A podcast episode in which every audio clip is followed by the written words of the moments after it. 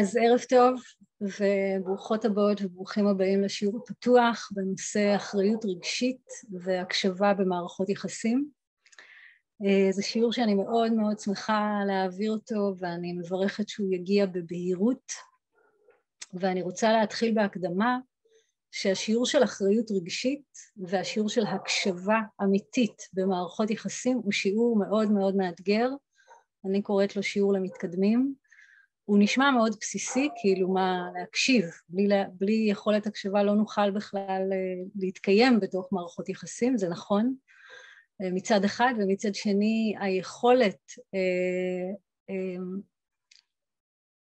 היכולת להיות באחריות רגשית ובהקשבה ולקבל ולתת הקשבה בתוך מערכות יחסים היא יכולת שאין אותה ל-99.9% מהאנשים. אה, אני מרגישה באופן אישי שאני פשוט אה, מקדישה את החיים שלי כדי ללמוד אותה וזאת הסיבה שיש לי אותה במידת מה.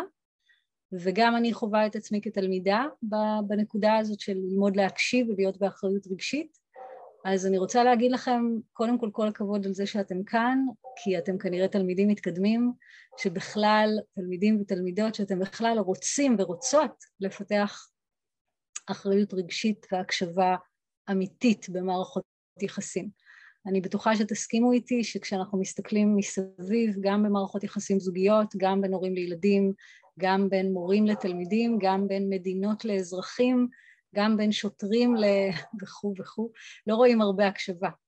לא רואים הרבה הקשבה, אני, אני אה, אפילו לא מדברת רק על הרמה הבסיסית של להיכנס אחד לשני לדברים, נגיד שאת זה חלק מהאנשים מסוגלים אה, לכבד, אני מדברת על הקשבה אמיתית ובעצם אני רוצה להתחיל את, ה, את השיעור היום ברשימה שהכנתי, שאני אקריא אותה ואסביר אותה תוך כדי, ש, שמתארת מה, איך אני מרגישה כשאני מקבלת הקשבה מלאה. וכשאתם מקשיבות ומקשיבים לרשימה הזאת, אני מזמינה אתכם גם ככה לנשום עמוק, להרגיש את הגוף, לכתוב לעצמכם נקודות שאתם אה, רוצים, אבל בעיקר בעיקר לדמיין שעכשיו מישהו שאתם, שיקר ללבכם, מקשיב לכם ככה. עצם ההקשבה לזה אה, היא תאפשר כמו איזה סוג של גרעין בתוך הלב, בתוך התודעה, שיעביר את המסר, אני ראויה, אני ראוי להקשבה מלאה, להקשבה כזאת. אז אני מתחילה. כשאני מקבלת הקשבה, אני מרגישה שלאדם שמקשיב לי יש את כל הזמן שבעולם בשבילי. הוא איתי ממש, לא רק שהוא לא עסוק טכנית בדברים אחרים, אלא הוא ממש מקדיש את כל תשומת הלב שלו אליי. כל החושים שלו מכווננים אליי. אני מדברת uh, נקבה זכר, אבל זה רק מטעמי נוחות, זה יכול להיות בכל מין, בכל ג'נדר. גם כשאני אומרת משהו שמציף במי שמקשיב לי, וכאן אנחנו מגיעים כמובן לנקודה המאתגרת, גם כשאני אומרת משהו שמציף במי שמקשיב לי טריגר, שעוד מעט אני אסביר מה זה טריגר, הוא נשאר נושם ונוכח פתוח להיות איתי. מה זה טריגר? טריגר זה כפתור הפעלה רגשי, תחושתי, מנטלי, לטראומה מהעבר. אני אחווה את הטריגר, למשל נגיד שעכשיו אה, אה, הבן זוג שלי אומר לי שהוא אה, שהוא לא יוכל לקנות את הדברים שביקשתי ממנו שהוא יאסוף מהסופר לפני שהוא בא הביתה. זה, זה כל מה שהוא אומר לי, הוא אומר לי אני נתקע בישיבה, אני מצטער, הכל בנימוס, בנעימות, אה, אני אמורה לקבל את זה כאילו לא קרה כלום, נכון? כאילו מה הבעיה? אפשר להסתדר עם הכמה דברים שאין. אבל אני חווה טריגר, משהו נלחץ לי, אני חווה הצפה רגשית, אולי אני אפילו חווה אה, נטישה, אה, בדידות, וכל זה רק בגלל שהוא לא יכול היה להביא את הדברים שביקשתי.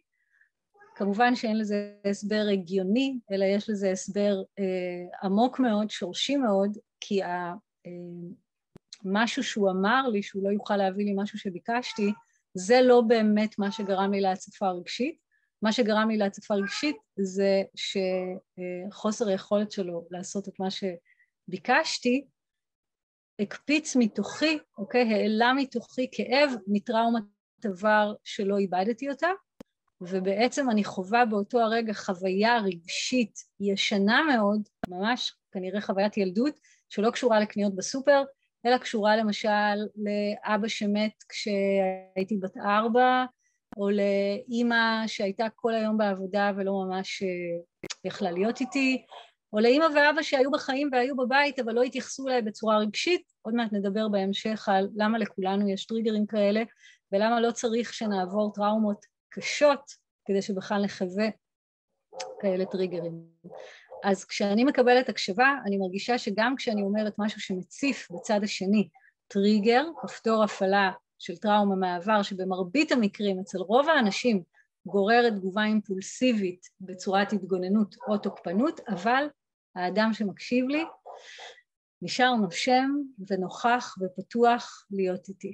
ובהמשך אני כמובן אסביר איך הוא עושה את זה, הוא לא מלאך, הוא פשוט אדם אה, רגיל לחלוטין, אבל הוא מתרגל אחריות רגשית. הוא מרוכז בי, הוא לא הולך שבי אחרי הטריגר שהופעל בו, כי אם הוא ילך שבי אחרי הטריגר שהופעל בו אז הוא עכשיו יהיה עסוק ברגשות שלו, כמה כואב לו, כי משהו שאמרתי לחצו על כפתור. אבל אם הוא יהיה מרוכז בי, הוא יכיל את הטריגר, בהמשך נסביר איך עושים את זה, והוא יוכל לתת לי את ההרגשה הממשית, כן? שהוא באמת באמת נמצא איתי.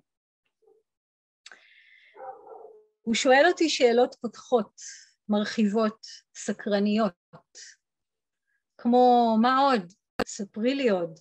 מה עוד הרגשת? איך זה היה בשבילך? הוא לא שואל אותי שאלות קטרניות, מתלוננות, מאשימות, מקטינות, השוואתיות. אני מזכירה לכם את הגרעין ששמנו כאן בהתחלה, אני ראויה להקשבה אמיתית, אני ראוי להקשבה אמיתית. אני מקבלת תחושה שיש לנו את כל הזמן שבעולם. מעניין שכתבתי את זה פעמיים, כנראה שזה מה שאני צריכה. ושגם אם דיברתי על נושא שמשקף קונפליקט בינינו, לצד הקונפליקט ישנה האהבה שלנו, השלום שבינינו. ההקשבה מזינה את השדה המשותף ולא את הנפרדות. כלומר, גם אם עכשיו אנחנו מדברים על נושא שיש לי דעה שונה משלו, נגיד, אני רוצה שנתחיל לשמור שבת, לדוגמה, והוא uh, חילוני מאז ומעולם, מה לא ולשבת. אז זה מאוד ברור שהדעה שלנו שונה בתכלית השינוי. אבל כשאני מסבירה לו את הרגשות ולמה אני רוצה את זה ואיזה חלום חלמתי בלילה ואיזה מסר קיבלתי על השבת היהודית שאני רוצה אותה, וזה לא מתייחס אליי אישית אלא רק דוגמה, אה, הוא לא מתמקד במה שונה בינינו באותו הרגע, כי אם הוא יתמקד במה שונה אנחנו נריב, נכון? הוא יגיד לי, לא, אני לא רוצה לשמור שבת, מה נעשה עם הילדים? ו... לא, הוא מתמקד באהבה שלנו. הוא מתמקד בזה שאנחנו, אני והוא באהבה, אני והוא בשלום. זה מה שחשוב לנו, להתמקד במה שמשותף ולא במה שמפריד, כי ברור שיש מה שמפריד, אבל גם ברור שיש מה שמשותף. ורוב הזוגות שרבים כמובן מתמקדים במה שמפריד. מעמיקים את הנפרדות ואת אי ההסכמה. לצד השני, כשהוא מקשיב לי, אכפת ממה שאני מרגישה, ממה שאני חשה, גם אם הדעות שלנו שונות.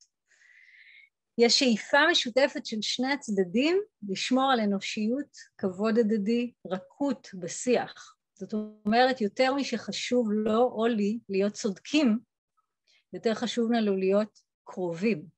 אבל שימו לב שכל העקרונות האלה שאני מתארת כרגע של הקשבה, הם המוטיבציה בכלל לרצות לפתח את היכולת של אחריות רגשית, שכמו שאמרתי זאת אחריות, זאת, זאת אה, איכות או יכולת למתקדמים, זאת יכולת מאוד מאוד מפותחת, שעוד מעט תבינו ממה היא מורכבת ולמה אני עושה לה הקדמה כזאת אה, ארוכה, כי היא בכלל בכלל לא פשוטה לפיתוח. שימו לב אה, כמה לא פשוט לתת כזאת הקשבה לאדם כשיש לנו נושא קונפליקטואלי בינינו. אפילו כשאין לנו נושא קונפליקטואלי לא קל לתת לאדם השני את התחושה שרק הוא קיים, מבלי לוותר על עצמנו, אוקיי? מבלי לבטל את עצמי, אז בטח ובטח כשיש נושא קונפליקטואלי בינינו. מדי פעם הצד שמקשיב משקף משפטים מרכזיים כדי לוודא שהוא הבין, וזה פותח עוד מרחב של הקשבה. למשל, סתם לדוגמה, נניח אם עכשיו הייתי נותנת לכם לפתוח מיקרופון והייתם עושים לי שיקוף והייתם אומרים לי, דורית, אז בעצם מה שאת אומרת זה שאת צריכה שאנחנו נשאל אותך שאלות כדי שאת תרגישי שרואים אותך? ואז הייתי אומרת, כן, זה בדיוק מה שאני צריכה. ואז הייתי מרגישה מוקשבת. בסוף השיתוף, כשנראה שכבר זהו, אמרתי את כל מה שהיה לי לומר, הצד שמקשיב שואל אם סיימתי, סיימת לדבר? ואז הוא שואל, הוא לא מיד ממהר לענות לי, הוא שואל מה אני צריכה ממנו עכשיו, שימו לב, האם אני צריכה ממנו, האם יש לי שאלות, האם, הוא, האם אני רוצה, האם יש לי שאלות אליו או האם אני רוצה שהוא ישאל אותי עוד שאלות, האם אני רוצה לבקש ממנו משהו, האם אני רוצה שהוא ישתף במשהו או שאולי אני רוצה הפסקה, רגע לעכל בכלל את עצם זה שקיבלתי הקשבה מלאה. אז זה היה ככה כמה, תשעה סעיפים, ככה זה יצא, של חוויית הקשבה מלאה. אה, רק להקריא את זה עושה לי הרגשה מדהימה.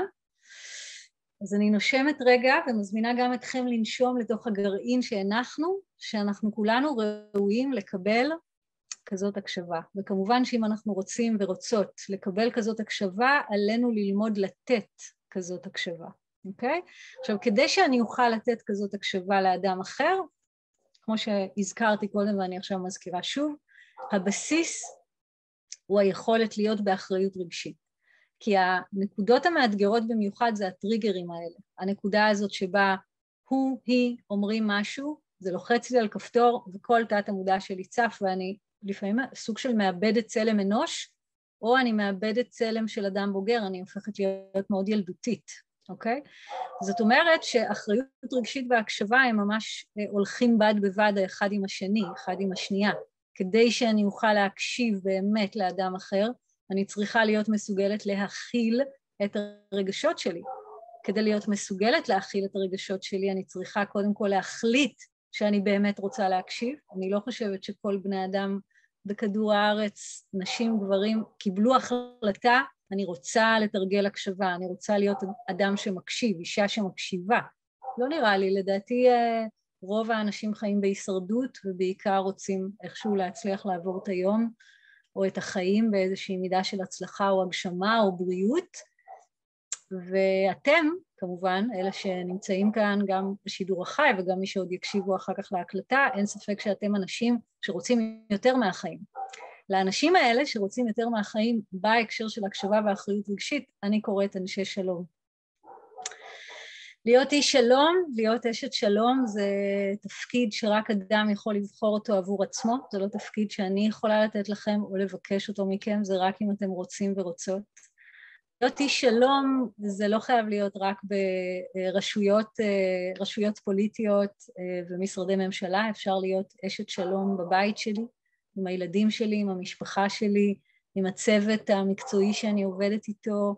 עכשיו איתכם אני יכולה להיות אשת שלום כמיטב יכולתי, אשת שלום עם ההורים שלי, עם השכנים שלי. להיות אשת שלום או איש שלום, וזה ממש בהחלט מתייחס לכל המגדרים, זה לקחת על עצמי את, בעיניי את התפקיד הגבוה ביותר שאפשר להגשים עלי אדמות, רק להגיד את זה מרגש אותי בכל הגוף. אני מרגישה שזה מה שרציתי מאז שאני ילדה, להיות אשת שלום. ואני מרגישה שאני uh, הולכת, הולכת בדרך הזאת, ואיזו זכות זה שאני יכולה לחלוק איתכם כמה תובנות ככה שאספתי בדרך. Uh, כמו שאתם רואים ורואות, מדי פעם אני עוצרת רגע, נושמת רגע, אני מזמינה אתכם לעשות בדיוק את אותו הדבר. לעצור רגע, לנשום רגע. שאיפה עמוקה, נשיפה עמוקה.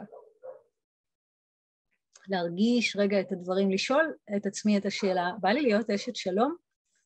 להיות אשת שלום זה להיות גנדי, זה להיות נלסון מנדלה, אימא תרזה, בודה, דלי למה, זה לשאוף להיות, כן, זה לא להיות הם, כי אנחנו אנחנו, כן, אבל זה לשאוף ללכת בדרך של אנשים שכבר הלכו בה וסללו לנו דרך, אנשים שהבינו שיותר חשוב שלום מכל הישג פוליטי, חומרי, חברתי, תרבותי.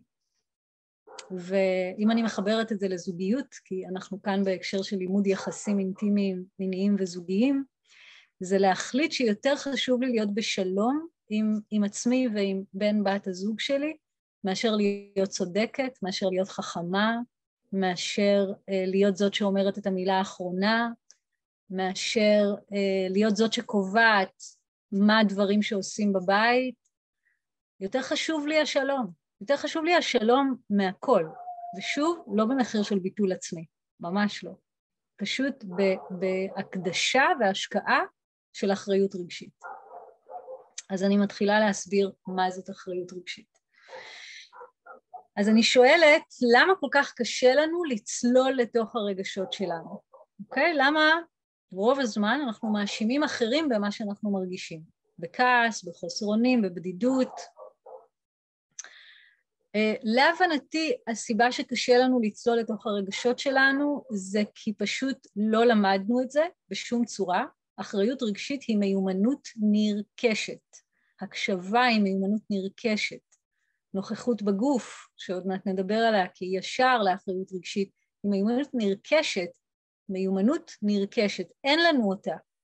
אין לנו אותה למרות שנולדנו עם גוף, נולדנו עם היכולת להרגיש, ללא ספק, אבל אה, לא פיתחנו, כי זה עוד לא מפותח בחברה ובתרבות בכלל, לא פיתחנו את היכולת באמת להקשיב אחד לשנייה, במיוחד במצבים קונפליקטואליים, ולכן אנחנו רואים שרוב הזוגות, אה, בכל, שוב, בכל הג'נדרים, אלה שנמצאים קצת זמן ביחד ואלה שנמצאים הרבה זמן ביחד, אה, רובם בסבל ולא רק בזוגיות אלא בכלל במערכות יחסים, רובם במלחמה, אוקיי? יש הרבה מאוד מאבקים אה, במערכות יחסים, חלק מהמאבקים מעל פני השטח וחלק מתחת לפני השטח.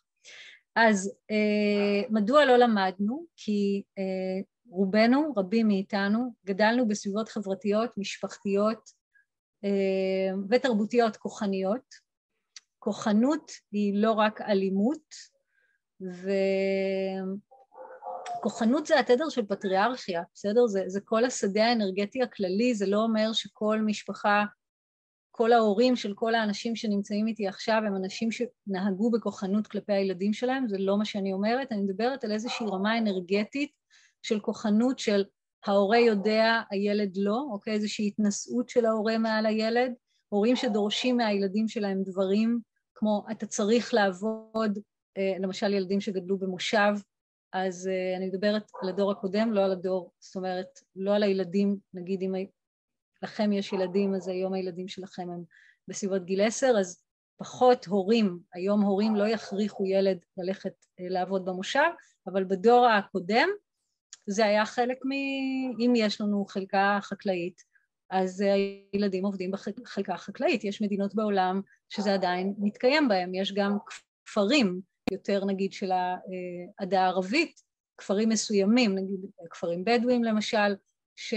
שהילדים עובדים יחד עם ההורים בכל מיני עבודות ולא בהכרח הולכים למערכת החינוך. אז זה סוג של כוחנות שהיא לא בהכרח נובעת מאיזה רוע, אלא היא אה, מצב תרבותי, חברתי, משפחתי, זה מה שיש. אה, עוד צור, צורות של כוחנות, אה, הורים שיורדים על הילדים שלהם מסיבות שונות, מבקרים אותם, מזלזלים בהם, צוחקים עליהם, לועגים להם, לא מכבדים את החלומות שלהם, לא עוזרים לילדים להגשים את החלומות שלהם. כל אלה צורות של כוחנות וחוסר כבוד כלפי העולם הרגשי של הילד. ילד, וכאן אנחנו הולכים לדוגמאות הברורות, הורים שצועקים על הילדים שלהם, מכים את הילדים שלהם, מתעלמים מהם רגשית, לא מתעניינים ברגשות של הילד, הזנחה רגשית זאת לגמרי צורה כוחנית. אה, הורים שמנסים יותר מדי לחנך, אה, משתמשים בנוקשות, הטפה, ביקורתיות, הזכרתי, תובענות, דורשים כל מיני דברים מהילדים בכל גיל שהוא, זאת אומרת, מה שאפשר להבין ממה שאני אומרת זה שיש אינסוף צורות של כוחנות גלויה וסמויה. השורה התחתונה שלה זה שאין שם לגיטימציה ל... לרגשות, לביטוי רגשי אותנטי. אמא, אני עצוב, אמא, אני בודד, אבא, אני צריך חיבוק. בדור החדש, חדש, חדש, אנחנו רואים את זה יותר, וזה באמת בזכותכם. אתם הדור החדש, אתם ההורים החדשים לילדים החדשים, שבאמת אה, עושים שמיניות באוויר כדי ללמוד על תקשורת מקרבת ואחריות רגשית והורות מודעת ומדהים, אבל כשאנחנו מדברים ב, על מרבית האוכלוסייה זאת בהחלט יכולת שלא נמצאת שם. אה, אז כמו שאמרתי, למה קשה לנו לצלול לתוך הרגשות? פשוט כי אנחנו לא רגילים, כי לא עשו את זה איתנו בתור ילדים, לא נתנו לגיטימציה מלאה לרגשות שלנו, לבכי שלנו, לצרכים שלנו, וגם לא ראינו את ההורים עצמם, וברור שזאת הכללה, מה שאני עושה כאן, אז תסלחו לי אם היא לא מדויקת באופן מלא, היא לא מדויקת באופן מלא. גם לא ראינו את ההורים בינם לבין עצמם או בינם מולנו, מתארים מה הם מרגישים, מספרים על החלומות שלהם, מספרים על האכזבות שלהם, מספרים על הכישלונות שלהם, וחשוב לי להדגיש שכשאני אה, מפנה את, אה, אה, מפנה את האחריות על זה שלא פיתחנו מיומנויות לאחריות רגשית ולהקשבה למש, למשפחות שגדלנו בהן, זאת לא האשמה, אלא זה רק הפניית תשומת הלב. נשימה, אוקיי, אז אם לא למדתי את זה בבית, אז האחריות שלי זה ללמוד את זה היום. זאת אומרת, זה, זה מבחינתי עניין של עובדה ותוצאה, ולא עניין של הפניית אצבע מאשימה. זה ברור שההורים שלי לא לימדו אותי מיומנויות של ביטוי רגשי, זיהוי רגשות, נוכחות בגוף, כי גם להם לא היה את זה, כי המצב שלהם בתור אנשים צעירים בבית, ילדים שהם גדלו בו, היה עוד הרבה יותר כוחני ממני, אוקיי? זאת אומרת, אנחנו רואים בהחלט עם הדורות אה, יותר הורים שמבינים שהלימוד זה לא צורת, אה, לא צורת התייחסות, שילדים צריכים זמן איכות רגשי עם ההורים שלהם, זאת אומרת אנחנו בהחלט רואים התקדמות אה, מבחינת ההתפתחות של התודעה, אבל כשאני מפנה את תשומת ליבנו לאיזה בית גדלנו, זה רק כדי שנוכל היום, עכשיו, לקבל אחריות על הלמידה, ולא כדי שנוכל להאשים את ההורים לנצח, כי זה לא המפתח. עכשיו, אה, ברגע שאלה אה, הסביבות שגדלנו בהן, למעשה מה שהפנמנו זה איזשהו ניתוק רגשי של ההורים, מידה מסוימת של ניתוק רגשי של ההורים מהרגשות של עצמם, שמעודד ניתוק רגשי של הילד, של הילדה. עכשיו, אם כילדה לא למדתי לפגוש רגשות בצורה חמה ומכילה, לפחות על ידי אחד ההורים, אז גם אני אהפוך להיות, כשאני גדלה, אלא אם כן למדתי לפתח מיומנות לאחריות רגשית, גם אני אגדל להיות כוחנית, ביקורתית, נוקשה, מנותקת, כלפי עצמי, כלפי הסביבה שלי, ורגשות יפחידו אותי. כל התיאור הזה היה כדי לענות על השאלה מדוע רגשות מפחידים אותנו. רגשות מפחידים אותנו פשוט משום שלא קיבלנו הקשבה מלאה בתור ילדים. אז, אה, אז אני עושה עכשיו הפסקה קטנה, ואני מזמינה אתכם לשאול שאלות ולנשום. אפשר לשאול שאלה בצ'אט, אפשר לפתוח מיקרופון ולשאול שאלה. אה, כל שאלה שהיא, אני פתוחה.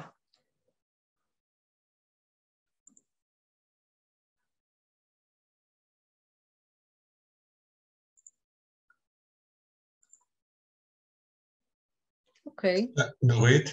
כן? היי. היי.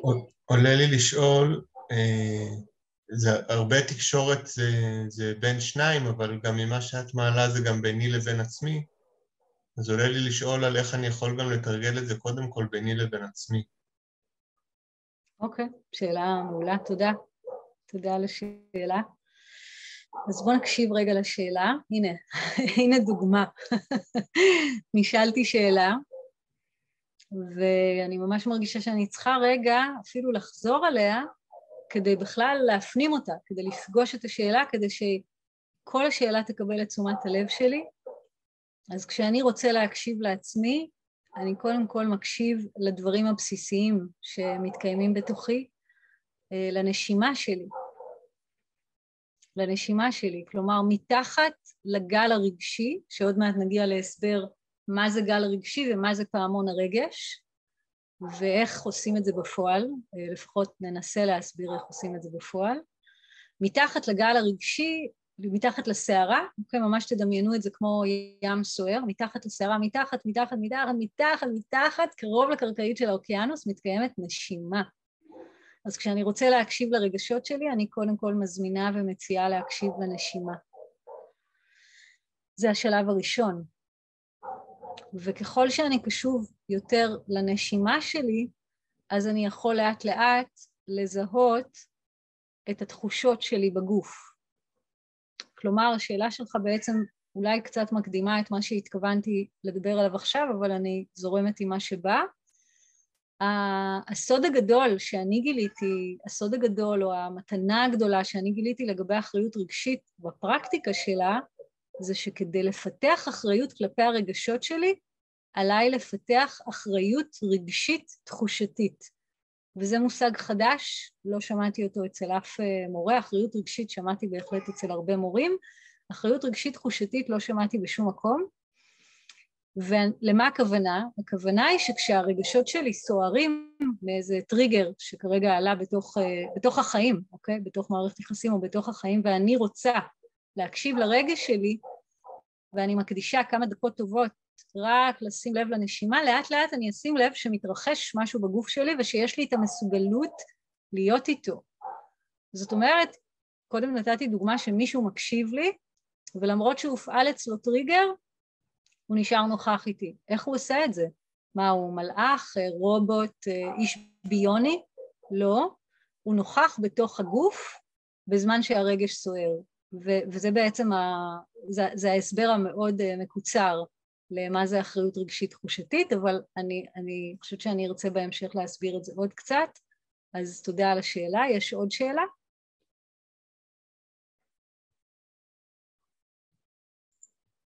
הנה, יש כאן עוד שאלה. איך ניתן להיות בהקשבה מלאה כשעולה התנגדות עזה והשיח הוא קונפליקטואלי? אה, כן, אני חושבת שזה בדיוק מה שאנחנו מדברים עליו כאן, אה, ונמשיך לדבר עליו, איך ניתן להיות בהקשבה מלאה כשעולה התנגדות עזה על ידי נוכחות בגוף. עכשיו, אני חוזרת למה שאמרתי כאן בתחילת השיעור. הנושא שהבאתי לכאן היום הוא שיעור למתקדמים. המושג נוכחות בגוף הוא מושג בפני עצמו. רוב האנשים לא יודעים מה זה נוכחות בגוף, לא יודעים מה זה נגיד עכשיו, סתם לדוגמה, בגלל שאני מאוד מיומנת, אני מתרגלת כבר 17-18 שנה נוכחות בגוף, אז אם תשאלו אותי, אתם לא צריכים לשאול אותי, אבל אני אשאל את עצמי, נניח שעכשיו מישהו היה שואל אותי, מה את חווה בגוף עכשיו? הייתי יודעת להגיד בכל אזור מה אני חווה. אבל זה פשוט בגלל שאני מיומנת, אני מתרגלת את המיומנות הזאת קרוב ל-18 שנה, זה המון זמן, המון המון המון זמן, המון שנים.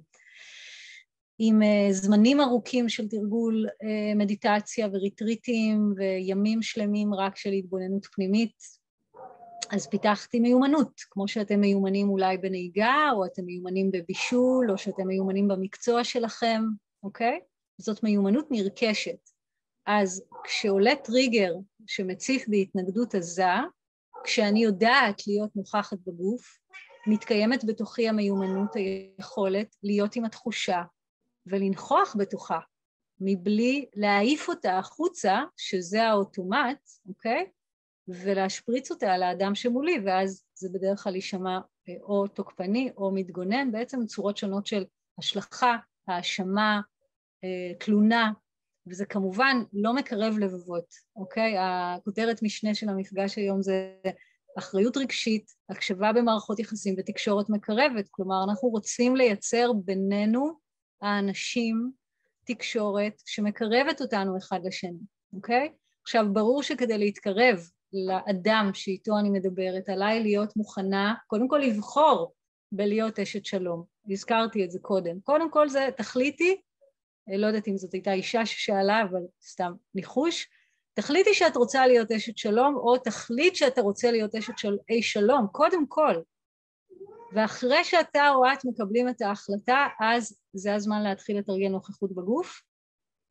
אה, אני אמליץ לכם לקראת סוף המפגש, אני אגיד את זה כבר עכשיו, שאני מלמדת את המיומנות הזאת. היום השיעור הפתוח, המטרה שלו היא ככה לתת אה, קווים עקרוניים של מה זה אחריות רגשית, למה כדאי לפתח אותה ואיך היא עוזרת להקשבה במערכות יחסים, אבל כל מיומנות כמובן אה, לא יכולה להיות מועברת בשיעור חד פעמי אונליין, אלא מתבקשת להיות מתורגלת במרחבי ריפוי שיודעים לעזור לי לזהות את הטריגרים שלי ולהיות נוכחת עם הטריגרים שלי בתוך הגוף. מרחבי ריפוי, אה, זה מה שאני עושה בעבודה שלי, מרחבי ריפוי קבוצתיים, מרחבי ריפוי אונליין, את הדברים ככה יותר מה בדיוק אני אגיד לקראת סוף המפגש, אבל הייתי רוצה היום להעיר בכם בעיקר את הסקרנות והרצון לרצות לפתח את המיומנות הזאת.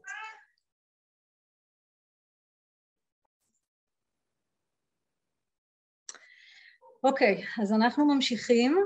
Um, הקשבה מלאה, תודה על השאלות, ותודה גם למי שפתח מיקרופון ושאל, זה עזר לי מאוד להרגיש uh, ביחד, זה היה לי נעים.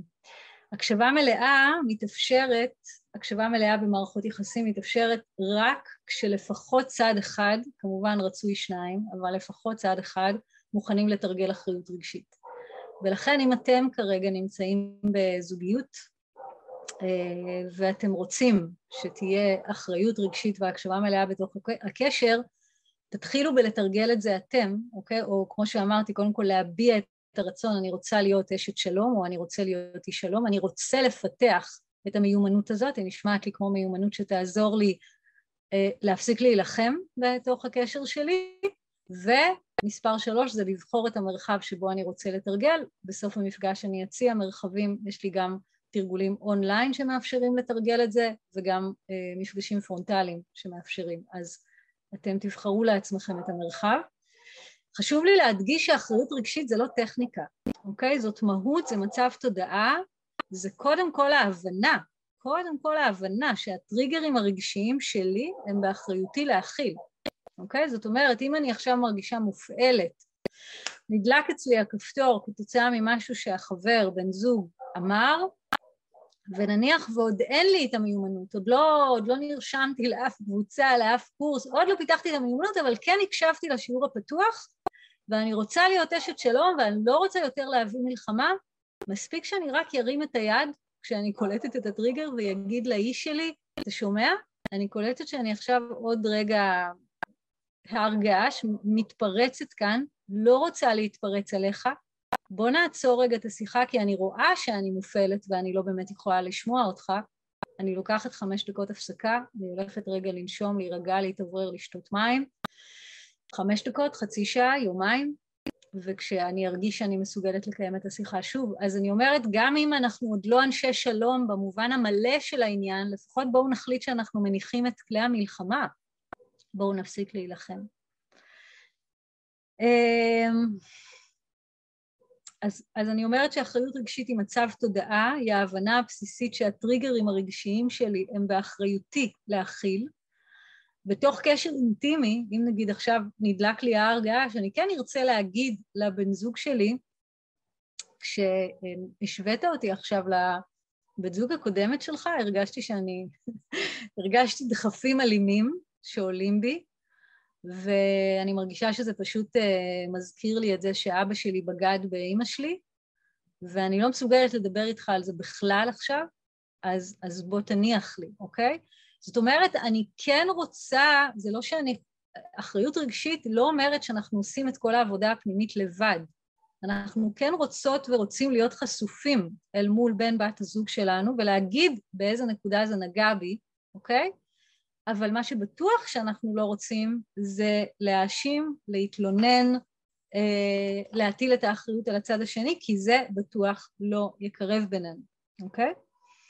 אחריות רגשית מלאה היא מרחב של צמיחה והתפתחות, כי אני רוצה להישאר חשופה, אוקיי? אני רוצה להגיד מה אני חשה, מה אני מרגישה, אבל אני גם רוצה למצוא בתוכי את שורש הדברים. ובדרך כלל, מניסיוני, אני כרגע נתתי דוגמה ממש למתקדמים, שאני גם יודעת שאני חווה הרגעה, שאני גם מרגישה שיש בי דחפים אלימים, שאני גם יודעת להגיד, רגע, תעצור, אני לא יכולה להמשיך יותר את השיחה, כי זה מזכיר לי את אבא שלי שבגד באימא שלי. הקישור הזה בין הטריגר של עכשיו, השווית אותי לחברה שלך לשעבר, למה שקרה בבית הוריי, הקישור הזה בין ההווה לבין הטראומה זה ממש קישור למתקדמים. בדרך כלל אנחנו לא מסוגלים לעשות את זה בהווה. בדרך כלל רמת ההצפה הרגשית היא כל כך כל כך גדולה, שגם רמת החום עולה, גם אה, הורמונים, אדרנלין מתחיל להתפשט בתוך הגוף, והורמון של פחד הרבה פעמים עולה בתוך הגוף, יש לו שם, שם וספרוסין. ואנחנו בכלל לא שומעים כבר את מה שהצד השני אומר, אוקיי? אנחנו רוצים לברוח מהסיטואציה הזאת.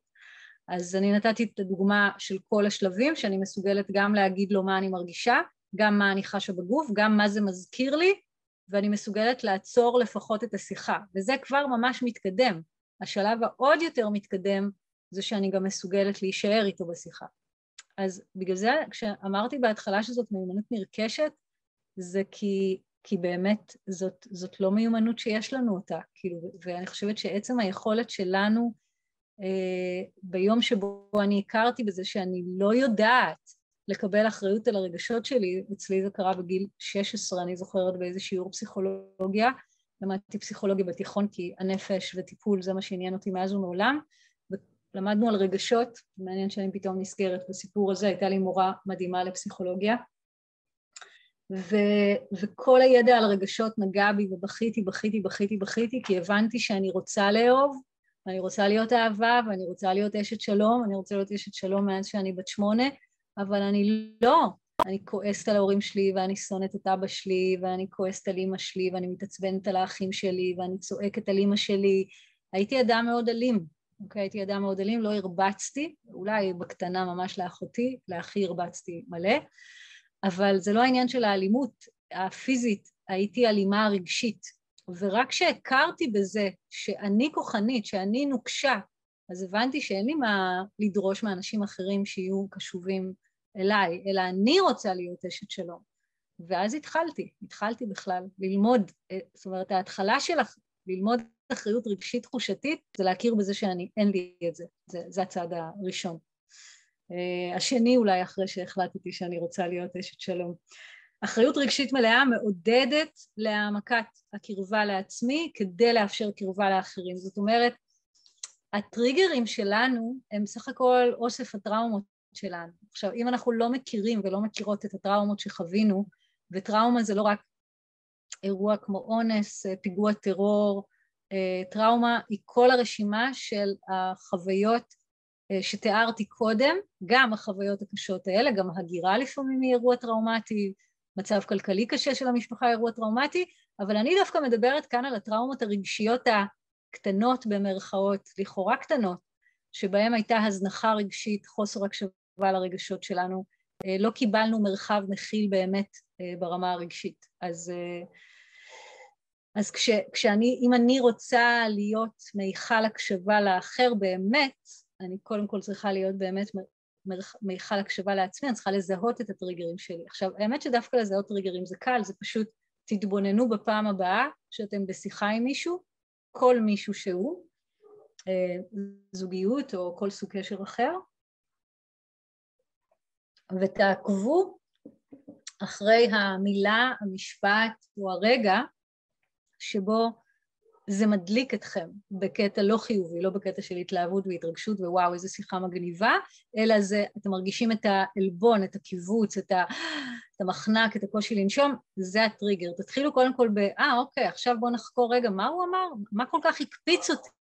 ושם בעצם זה כמו אתר ארכיאולוגי שאתם מתחילים לחפור בו, וזה מסוג הדברים שטוב לעשות במרחב ריפוי אישי, קבוצתי, online, offline, יש הרבה הרבה דרכים, אבל העיקר לעשות, כי, כי אם אנחנו נשארים עם, ה, עם הרובד של הטריגרים שלנו ומצפים מעצמנו להיות אנשי שלום, אנחנו לא נצליח, כי אנחנו, אה, שוב, אנחנו הר געש, שלא יהיה ספק בזה. תת מודע לא מטופל הוא כמו הר געש רדום, ובחיים האנושיים המערביים, הקצביים, הכל כך מהירים, הוא לא כל כך רדום, הוא כל הזמן מתפרץ ונרגע רגע, מתפרץ, נרגע רגע, הוא לא כל כך רדום, הוא די uh, ער, ועלה בחמה ושורפת, ואלה המאבקים בעצם שאנחנו רואים בתוך uh, יחסים. Uh, בואו נענה על עוד שאלה, אם יש, אם מישהו רוצה לפתוח מיקרופון ולשאול. אני מאפשרת כרגע עוד שאלה אחת, שתיים מקסימום. בואו נראה מה כתבו לי כאן. איך אפשר, אה, שלי כותבת כאן, איך אפשר להציב גבול, תודה על השאלה שלי, איך אפשר להציב גבול מתוך הקשבה? הזדמנות בשביל כולנו לנשום, איך אפשר להציב גבול מתוך הקשבה, שלא יהיה בצורה מאשימה, תוקפנית או כועסת, אך עדיין לא תשאיר פתח למשהו שלא מתאים לי. וואו, זאת שאלה נהדרת. אה, וכאן יש עוד שאלה, בואו נתחיל מזאתי קודם כל. איך אפשר להציב גבול כשאני רוצה להקשיב נגיד כרגע לשאלה של שלי, והיא בהחלט שאלה מאוד עמוקה והיא גם פוגשת אותי בזמן שאני בשצף של דיבור. אז שימו, שימו, שימו לב ממש מה אני עושה כדי להקשיב. קודם כל אני חוזרת על השאלה איזה פעמיים שלוש, זה השיקוף שדיברתי עליו קודם. דבר שני, אני נושמת. ואני גם מוכנה רגע להיפתח ללא ידוע, לא יודעת אם תהיה לי תשובה לשאלה. אני אנסה, אני, אני אבדוק. אני אתן לתשובה להגיע אליי, אוקיי? איך אפשר להציב גבול מתוך הקשבה שלא יהיה בצורה מאשימה, תוקפנית או כועסת, אך עדיין לא תשאיר פתח למשהו שלא מתאים לי? אני חושבת שזאת שאלה באמת נהדרת. אמ, קודם כל, אני חוזרת לעקרונות הבסיסיים. הבעת הרצון, אני מזמינה אותך, אותנו, להביע רגע רצון. אני רוצה להניח גבול ל... לא יודעת, לאבא שלי, בצורה, הבעת הכוונה, אני רוצה להביע גבול לאבא שלי, לבן זוג שלי, בצורה שהיא לא מאשימה, לא תוקפנית, אבל אני גם רוצה שהגבול שאני אניח לא ישתמע לשתי פנים. זאת אומרת, מה שאני באה לומר זה עוד לפני שאני יודעת איך עושים את זה, קודם כל אני אביע כוונה. מה זה להביע, כוונה בפני עצמי? אני רוצה לעשות את זה בדרך של שלום. אבל גם שלום, אתם יודעים, כשעושים שלום בין מדינות, עדיין יש גבולות. לא, לא משנה מה המחשבה שלי על זה ברמה הפוליטית, אבל טכנית, נכון להיום, כל עוד המבנה הזה שנקרא מדינה הוא מבנה קביל, אז גם בין ירדן לישראל, מדינות שנמצאות בשלום לצורך העניין, יש איזשהו גבול, יש איזו בירוקרטיה, יש איזה מעבר שצריך לעבור, חוקים מסוימים שצריך לכבד, אוקיי? וכרגע לפחות אין כאן האשמה, תוקפנות או תלונה, יש כאן גבול שמכבד שלום. אז קודם כל להביע את הכוונה אני רוצה להיות מסוגלת להביע את הגבול בדרכי שלום. אה, דבר שני, להביע את הרצון בפני עצמך, מה בדיוק את רוצה לבקש? מה את צריכה שיפסיק לקרות? אני אתן לך דוגמה למשהו שהתמודדתי איתו ב... ממש ביממה האחרונה, אתמול כתבתי, שלשום כתבתי איזה פוסט מאוד, אה, מאוד אישי, מאוד אה, חשוף בדף שלי, מאוד פתוח, אני בדרך כלל כותבת ככה, בשבילי זה רגיל, והגיבו מלא אנשים, ואיזה יופי, והשראה, וללה, ואיזה כיף, ואיזה איזה יופי, וכתבתי פוסט טוב. משמח, לא כל הפוסטים מקבלים את התגובות האלה. ויש איזה מישהו שמעז, יש לו את הטלפון שלי, ודיברנו בעבר לפני מלא שנים, רצה להיות uh, סוג של חבר, אחר כך גיליתי שהוא נשוי, אמרתי לו שאני לא בעניין, שום סוג של חברות מהסוג הזה לא מתאימה לי, ומעולם לא יצרתי איתו שום קשר ביוזמתי, אבל יש לו את הטלפון שלי, וזה בסדר, להרבה אנשים יש את הטלפון שלי, ופשוט הוא בחר להגיב לפוסט בוואטסאפ. זאת אומרת, הוא שלח לי מילים חמות וטובות, השראה, לללה, לטלפון הפרטי שלי, וכל הגוף שלי התכווץ כשזה קרה. ותכלס באותו רגע רציתי שההר שלי יתפרץ עליו, אבל אני כבר אה, מאוד מיומנת בדברים האלה, וכשאני נותנת להר געש שלי להתפרץ, צריך להבין, זה לא שורף רק אותו, הלבה שורפת גם אותי.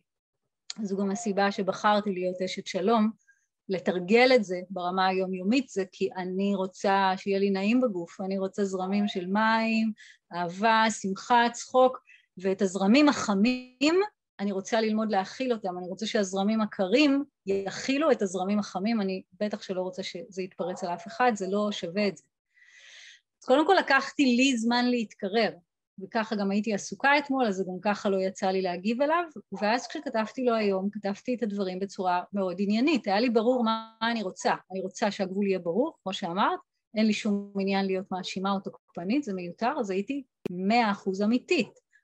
תודה על המילים החמות, אני מבקשת ממך להגיב לדברים שאני כותבת באותה מדיה שבה הם פורסמו, הטלפון שלי פרטי, לא מתאים לי לקבל הודעות. הוא לא הגיב, מה שאומר שהוא, יכולתי להרגיש איך הוא קיבל את התגובה שלי עם איזו תחושה לא קלה בתוך הגוף, לא אכפת לי, אוקיי? זאת אומרת, אם אני רוצה לשים גבול בצורה חד משמעית, אני צריכה להסכים להרחיל את מידת הכאב העדינה ביותר שכנראה תתקיים כאן, אבל שימו לב שזה לא כאב, לא רציתי לגרום לו כאב, רציתי לשים גבול. לא הייתי עסוקה באיך לפגוע בו, הייתי עסוקה בלהגיד מה מתאים לי ומה לא מתאים לי, ולי זה ברור שהאיש הזה לא יעז לשלוח לי שוב הודעה בפרטי, אלא אם, לא יודעת, יתפתח בינינו איזה קשר אישי, ולא נראה לי שזה יקרה. אז זו הייתה התשובה לשאלה הזאת. Uh, הייתה כאן עוד שאלה, ואז אני ממש רוצה להמשיך. Uh, היי, שמי לילך, מה אם אני מרגישה כשאני מתנהגת את הטריגר שלי, שלא מגיע מתוך שיחה, ואני לא מזהה סיבה ברורה למקור שלו, נגיד מתנהלת בתוקפנות או באגרסיביות למרות שלא מרגישה כעס ולא היה דבר שעורר אותו באופן ישיר. אוקיי, יפה מאוד. Uh, תודה, תודה על השאלה, לילך. Uh, הטריגרים שלנו בחלקם, אני באמת אמרתי קודם משפט ותודה שאת ככה עוזרת לי לדייק את הדברים עוד יותר. אמרתי שקל מאוד לזהות את הטריגרים כי הם עולים בתוך מערכות יחסים. נכון, זו צורה אחת של זיהוי טריגרים. הצורה השנייה של זיהוי טריגרים זה פשוט זיהוי של דפוסים רגשיים שנמצאים שם כל הזמן, כמו אני רוב הזמן אגרסיבית או תוקפנית ואין לי מושג מאיפה זה יגיע, אני אעיד על עצמי שככה הסתובבתי רוב חיי, תוקפנית, אגרסיבית, לא יודעת אם רוב חיי, אבל הרבה שנים בחיי, בוא נאמר עד, עד, לא יודעת, עד אולי לפני 18 שנה כשהתחלתי לתרגל נוכחות בגוף, אה, תוקפנית, אגרסיבית, מאוימת, מפוחדת, גם מאוד מוכשרת ומאוד שמחה והכל, אבל ממש הרגשתי שההר געש הוא לא רק שהוא לא רדום, הוא כל הזמן פעיל והוא יוצא כמעט מול כל האנשים, אלא אם כן זה ממש אנשים שנעים לי איתם ברמות וזה היו אנשים בודדים. זאת אומרת שבעצם הטראומה שלי יצאה מכלל שליטה. יצאה מכלל שליטה, זאת אומרת היא לא מוחבאת, היא לא בתת מודע, היא לגמרי בחוץ, גם אם אני עוד לא יודעת בדיוק מהי, ואני יכולה להציע לך פשוט לבחור לעצמך מרחב ריפוי אישי, קבוצתי, אה, בשעה עשר יישלח אליכם במייל גם קישור לספריית תרגולים לריפוי שאפשר לתרגל בבית, אה, תרגולים שיצרתי לריפוי טראומה, לפיתוח של אחריות רגשית ותחושתית, שאפשר פשוט לתרגל אה, מה שנקרא בלחיצת כפתור, תרגולים שאני הקלטתי בקול שלי עם מוזיקה מדהימה במגוון של נושאים שקשורים ליחסים, מיניות, אינטימיות, אז מי שרוצה, מי שרוצה לפתח את המיומנות הזאת מבלי לצאת מהבית, העבודה אונליין מאוד מאוד מתאימה לה וגם מאוד אפשרית מבחינה כלכלית. ומי שרוצה, אה, מי שמרגיש, מרגיש, מרגישה משיכה לתהליכים יותר מעמיקים, אז יש גם אה, קבוצות פרונטליות לנשים, לגברים, תהליכים אישיים, זוגיים, איתי ועם אה, מורים אחרים, כן? זה ברור. אז אני רוצה להמשיך, ואני אתן עוד הפסקה אחת אחרונה בסוף לשאלות. אז תודה שאתם שואלים שאלות, היום אני ממש מרגישה את הביחד שלנו, וזה מזין אותי מאוד. הבטחתי שאני אסביר מה זה פעמון הרגש, ממש כדאי לכם לשמוע, זה יעשה לכם כל כך הרבה סדר ושקט, אז תהיו איתי. פעמון הרגש. פעמון הרגש בא לומר שלרגש ותחושה, אוקיי, להר געש הזה, לרגש ותחושה, תזכרו שבראייה שלי אחריות היא רגשית תחושתית, כלומר רגש תחושה זה, זה לא אותו הדבר, זה לא יהיה נכון לומר, אבל הם אה, בדרך כלל נחזים כבאים ביחד, בסדר? לא ניכנס כרגע למי בא קודם, זה שיעור אחר. רגש תחושה, נתייחס אליהם כרגע כמשלימים אחד את השני. אז פעמון הרגש והתחושה, הצורה שלו היא צורה כזאת, אני אצייר אותה באוויר ואחר כך אני אסביר אותה, היא צורה של פעמון, ממש קו שעולה כלפי מעלה, מגיע לשיא שלו ויורד כלפי מטה. שוב אני אצייר את זה, הרגש עולה, נגיד אני כועסת, אני כועסת, אני נעלבת, אני נותנת לרגש, זה המצב הטבעי, אני נותנת לרגש להגיע לשיא שלו, הרגש עולה למעלה, ממש כמו שעולים על הר, מגיע לשיא שלו ויורד למטה. זאת אומרת, רגשות ותחושות הן תנועה אנרגטית טבעית לחלוטין, בריאה לחלוטין. אין בעיה עם רגשות ותחושות, אנחנו יצורים אנושיים, נועדנו לחוש ולהרגיש. אלא ש... אנחנו לא רגילים ללכת את כל הדרך של פעמון הרגש, מכל מיני סיבות שהזכרתי קודם, גם כי אנחנו לא רגילים לבטא את עצמנו, גם כי אנחנו לא רגילים להיות נוכחים בתוך הגוף, גם אנחנו פוחדים שאולי התגובה הרגשית הכנה שלנו לא תתקבל על ידי הצד השני, אנחנו בדרך כלל עוצרים את הפעמון בשלבים הראשונים שלו, ואז האנרגיה נשארת תקועה. אני חוזרת לדימוי של ההר געש, דמיינו רגע הר געש שאיזשהו סלע גדול מאוד חוסם אותו מלמעלה והוא עכשיו נמצא בשלב הוולקנו שלו, בשלב ההתעוררות. מה יקרה? הוא יפתח פתח אחר והלבה תתפרץ ממקום אחר. זאת אומרת, אי אפשר לחסום את הרגשות שלנו. הרגש הוא תנועה טבעית בתוך הגוף, יש לו ביטויים תחושתיים, פיזיים, כן? הורמונליים, נפשיים ומנטליים. למשל, אם אני שמחה, אני מחייכת, צוחקת, מרגישה התרחבות, אוקסיטוצין זורם בתוכי, אני מרגישה אהובה, ובא לי לעשות דברים כיפיים עם בן הזוג שלי, לדוגמה. אם אני כועסת, לדוגמה, כן? זה לא אומר שאצל כולם בדיוק בדיוק זו אותה תחושה, זה ככה הכללה. אם אני כועסת, הגוף חש חום, קיבוץ בלסתות, בגרון, תחושה שאני עומדת להתפוצץ, אדרנלין זורם בתוכי, אני מרגישה שלא רואים אותי, שבא לי לצעוק, אה, להרביץ או להסתגר ולהתרחק. כלומר, כל רגש יש לו, שימו לב, רובד תחושתי, הורמונלי, נפשי ומנטלי. רגש זה עולם, אוקיי? עכשיו, במצב הטבעי שלו, כל מה שהרגש צריך מאיתנו, הנשאים של הרגש, אני הנשאית של הרגשות שלי, כל מה שהרגש צריך ממני, רגש זה אנרגיה, זה שאני אסכים לשאת אותו את כל צורת הפעמון. לתת לו לעלות, לתת לו להגיע לשיא שלו ולתת לו למות, אוקיי? לתת לו לעלות, לתת לו להגיע לשיא שלו ולמות. אבל האם אני עושה את זה?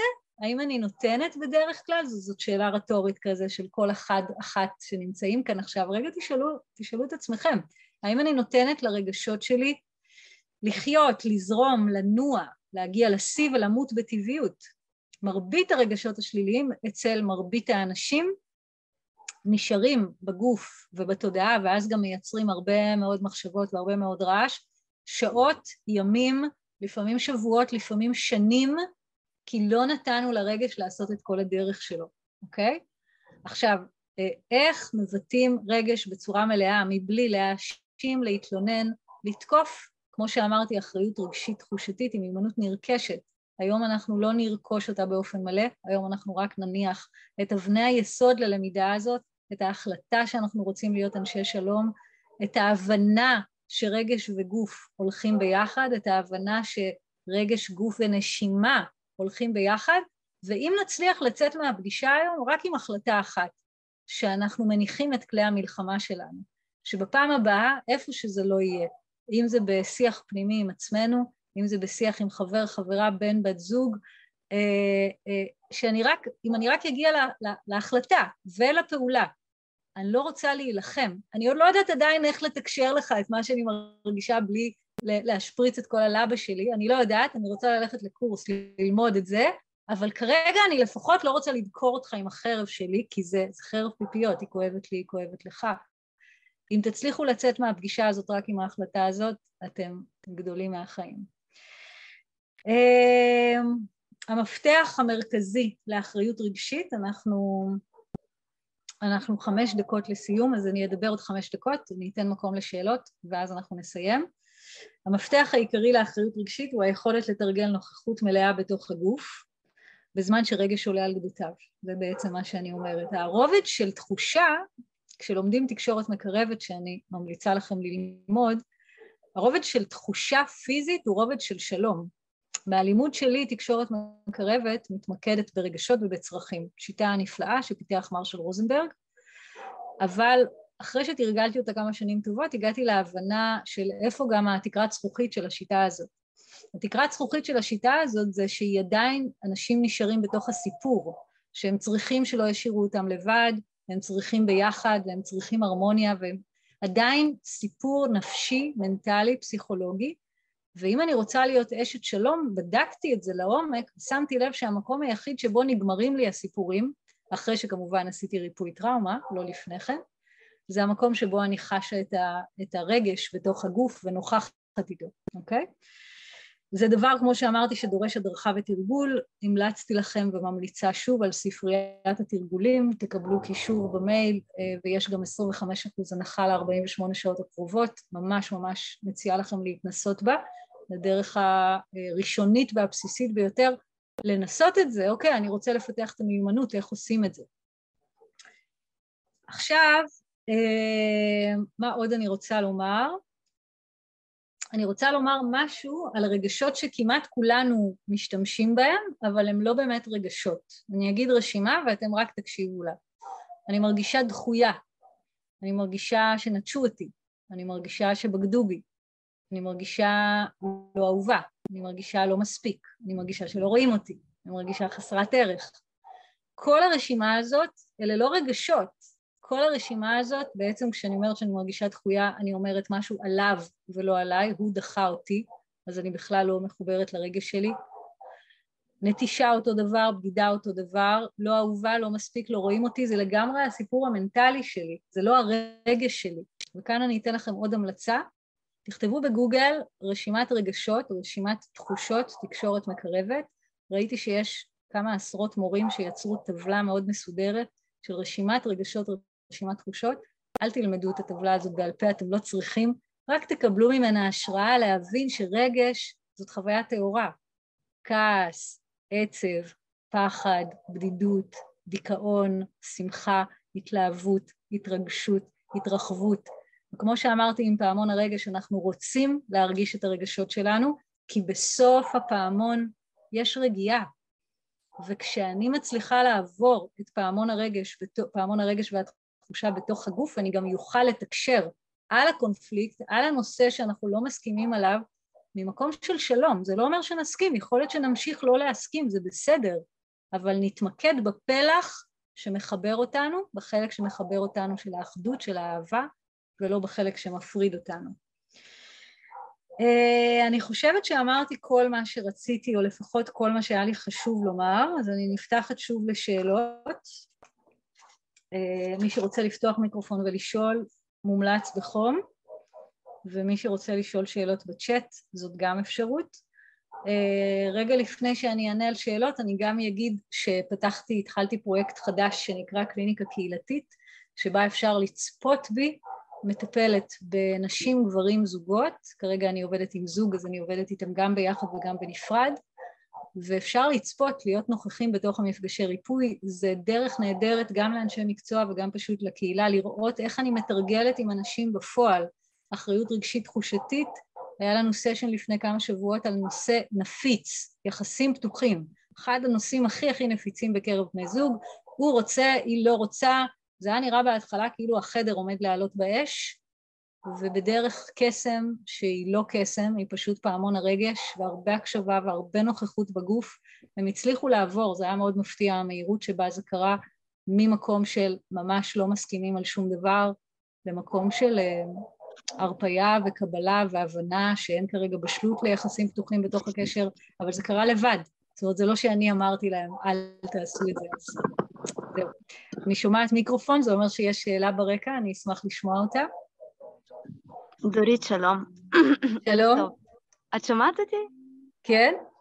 אני רציתי להגיד לך תודה על מקצועיות שלך ועל אה, באמת את מדהימה, אני כל פעם לומדת מלא מלא מלא מלא לעצמי. כל משפט זה כאילו לגלות משהו. וואו, תודה. אז, אה, מקסימה, איך קוראים לך? יוליה. יוליה, נעים מאוד יוליה, כיף לשמוע. Uh, ומה ש... אז אני פשוט רציתי לדייק משהו. אני, אני חושבת שאני התחלתי איזושהי דרך, ובסוף אני התחלתי לדכות את הרגשות. זאת אומרת, אני הרגשתי אני הבנתי שאני פחות מרגישה, אוקיי? אני לא... אני הייתי מאוד בהיי, ואז כן למדתי לזהות דברים שעולים בי וזה וזה, ואז באיזשהו שלב זה פשוט נעלם. אז okay. אוקיי. יכול להיות שיש הבדל בין רגשות לתחושות, שרגשות זה, כמו שאת אמרת, אהבה וכעס, רגשות בריאות, ויש דברים mm-hmm. שהם לא רצויים, וזה זה תחושות. זה, יש משהו שהוא מצריך טיפ, טיפול יותר עמוק, זאת אומרת, צריך להבדיל בין שתי הקבוצות האלה, יש משהו שצריך לטפל בזה ויש משהו שהוא כאילו טראומות מילדות וזה, אולי אני פשוט מדכא אותם מהפחד, זה יכול להיות? רגע, אני... בואי, בוא, יש כאן הרבה, יש כאן הרבה שאלות, אז רגע אני אנסה לשאול אותך איזושהי שאלה כדי שאני אוכל להבין אותך, כי כרגע אני עוד לא מרגישה שהבנתי אותך, אני יכולה לשאול משהו? ברור, בטח. אוקיי, אז את אמרת שהתחלת איזושהי דרך, כן. שבהתחלה, מה זה הדרך שהתחלת? זה שיטת לימוד מסוימת? מערכת יחס... מה, מה זה אומר התחלתי איזושהי דרך? דרך שלך, כמו, כמו שהסברת. אני רואה, אני hmm. מזהה, אני מזהה רגשות שעולים בי, שיפוטיות, כעס, עצבים עם ילדים. אוקיי. זה, ואני יודעת לזהות אותם, ואני יודעת כאילו לא לעצור אותם, זה, זה, זה עובר, אני פשוט חווה כן. אותה וזה, וזה נעלם, כמו שאת אומרת. איזה יופי. כן, נשמע עכשיו. טוב. כן. נשמע טוב. אבל- רגע, אז את לא בטוחה, אבל אם את מדחיקה רגשות, את רוצה לוודא אם את כן. מדחיקה. כן. אה, מה האינטואיציה שלך אומרת לך? אינטואיציה. אה, אינטואיציה, שכן, יש דברים שאני פוחדת מהם. הנה התשובה שלך. איזה כיף זה שאת גם שואלת וגם עונה. כן, אם זאת האינטואיציה שלך, יוליה, זאת גם האינטואיציה שלי, אבל לא רציתי להגיד כי אני לא מכירה אותך מספיק ואני תמיד אוהבת שאנשים אומרים על עצמם, את יודעת. אה, אם האינטואיציה שלך זה שאת מדחיקה חלק מהרגשות, אז כן, זה דבר מאוד אה, אנושי לעשות. אה, זה לא יעיל כל כך למערכות יחסים להדחיק רגשות, כי זה כמו ההר געש הזה ששמו עליו סלע, נגיד, כן. אז הוא יפרוץ ממקום אחר, חלומות, פנטזיות מיניות, ירידה בתשוקה המינית, בעיות רפואיות, זה בדיוק מה שקרה. כן, אני, אני אגיד לך משהו, אני אפס... הדברים פשוט הפסיקו להפעיל אותי. זאת אומרת, פעם הייתי, כואב לי משהו והייתי בוכה וזה, ואז הפסיק, אין את ה... הרגשות, אני רואה אותם, אבל הם לא מפעילים אותי. זאת אומרת, אני מרגישה כן. שאני לא כועסת, לא בוכה, לא זה, גם אני, אין לי תשוקה. כן. זהו, את מבינה מה קרה? פשוט מה שאת עשית זה מנגנון אה, כמובן לא מודע, את לא עשית את זה בכוונה, אה, רק ברשותך, לא. אחרי החלק הזה של התשובה אנחנו אה, כן. נסיים, בסדר? אה, כן, כן, מה בטח. שקרה זה שהמערכת שלך פשוט ככל הנראה הרגישה שהיא לא יכולה להתמודד יותר עם הטריגרים האלה, שזה עוצמתי לה מדי, והיא פשוט כיבתה, זה כיבוי, כמו לכבות כפתור, היא כיבתה את כל האפשרויות הרגשיות העוצמתיות שלה. ואז ברגע שהיא כיבתה את הכאב, כיבתה במרכאות, כן, כי אי אפשר באמת לכבות, זה רק מודחק ומחכה כן. שיהיה לך כוחות להתמודד, אז היא כיבתה גם את השליליים אבל גם את החיוביים, ומה כן. שמדהים בשיתוף שלך זה שאת רואה את זה, את מדברת על זה איתי, וזה אומר שאת בשלה לצעד הבא.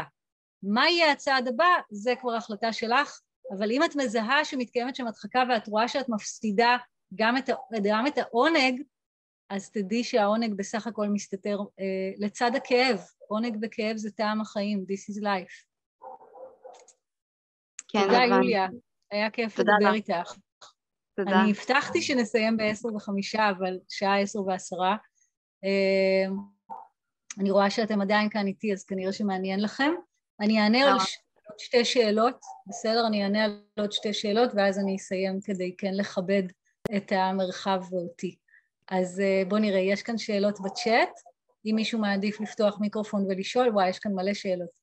אז גם אפשר לפתוח מיקרופון. בואו נראה. אה, היי, רציתי לשאול, מה אם אני נמצאת בשיח עם אנשים שאני לא מרגישה בטוחה ובנוח לחשוף את הרגשות שלי בפניהם? איך מאפשרים לרגש להיחוות בצורה מלאה בכל זאת? אה, ל- תודה על השאלה.